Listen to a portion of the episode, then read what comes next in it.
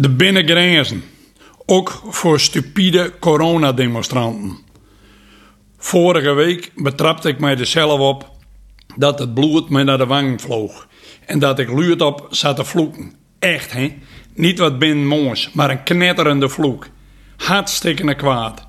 Alleenig voor het scherm van mijn pc. Als ik echt kwaad ben, dan verbaliseer ik zulks in de taal van mijn hart. Het snekers komt weer dan vanuit de toon.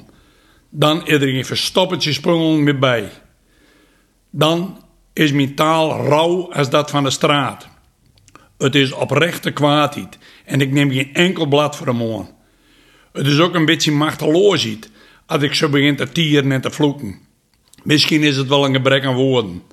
Wat was er aan de haan? Waarom ging ik over de rooien? Op social media zag ik een foto voorbij komen van een vrouw met een spandoek met erop de walgelijke tekst: Wie wordt de nieuwe Anne Frank? Naast viruswaarheid, Nederland in opstand, moederhad en weet ik veel hoe al die splinterpartijen hieten, was er weer een nieuwe groep die demonstreerde tegen de coronamaatregels. Police for Freedom. Laat ik even duidelijk wezen dat ik het recht om te demonstreren koester. Het is zeker een van de kernwaarden van een democratie. Maar de binnengrenzen. Ik ging haast over mijn nek toen ik dat idiote wie of nota benen in een zwart-wit gestreept flutjurkje de lens van een camera inkijken zag. Hoe stomzinnig kan je wezen?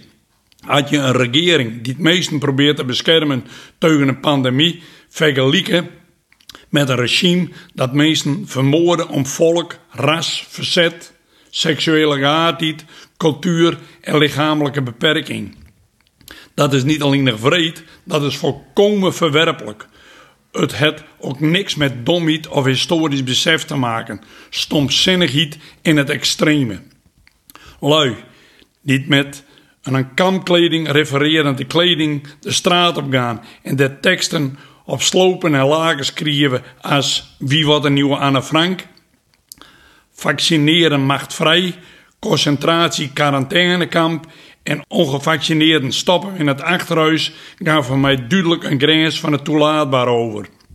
Hoe durf je een gele Davidster te dragen om te protesteren tegen COVID-19 maatregels? Hoe haal je het in je hasses om te suggereren dat quarantaineplicht gelijk staat met een verblijf in een concentratiekamp? Werkelijk, het stuit me tegen de bust. Wat moet je met dit volk? Met de kinders en kleinkinders van dit tuig heb ik begroten. Het zal je moek of grootmoeke maar wezen, niet zo in de kranten staat. Arme, arme kinders, niet een spiegelen moeten als zulke eencellige volwassenen van een bedenkelijk allooi. Publiciste Natasja van Wezel gaf het antwoord op mijn vraag wat er met dit stupide volk gebeuren moet. Iedereen die zich hier schuldig aan maakt, zou verplicht een bezoek moeten brengen aan Auschwitz. En dan bedoel ik uiteraard het museum, al dus Van Wezel. Ik ben het volkomen met Van Wezel eens. Dergelijk gedrag mogen we niet tolereren.